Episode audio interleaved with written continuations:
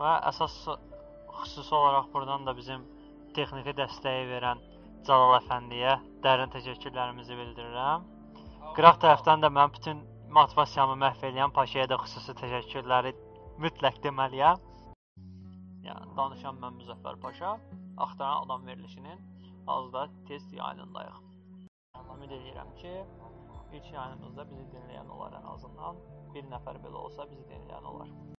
E, əgər kompüterlə girmisinizsə, sağ tərəfdə 4 bölmədən 3-cü bölməyə live chat bölməsini vurub aşağıda açılan pəncərədə canlı yayınımıza qatıla bilərsiniz. Canlı yayımıza mesajı yaza bilərsiniz.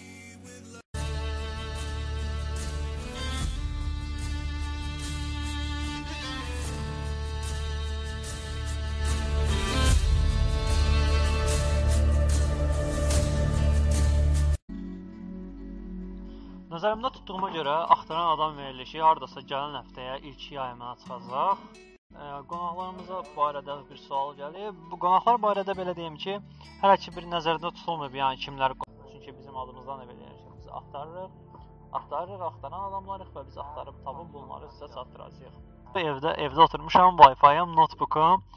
Sağ olsun texniki dəstək olan Cəlalın qulaqçığı. Hal-hazırda özümdə internet kəsilib, amma deyəsən yayın gedir. Hansı formada gedir hiss eləmirəm heç.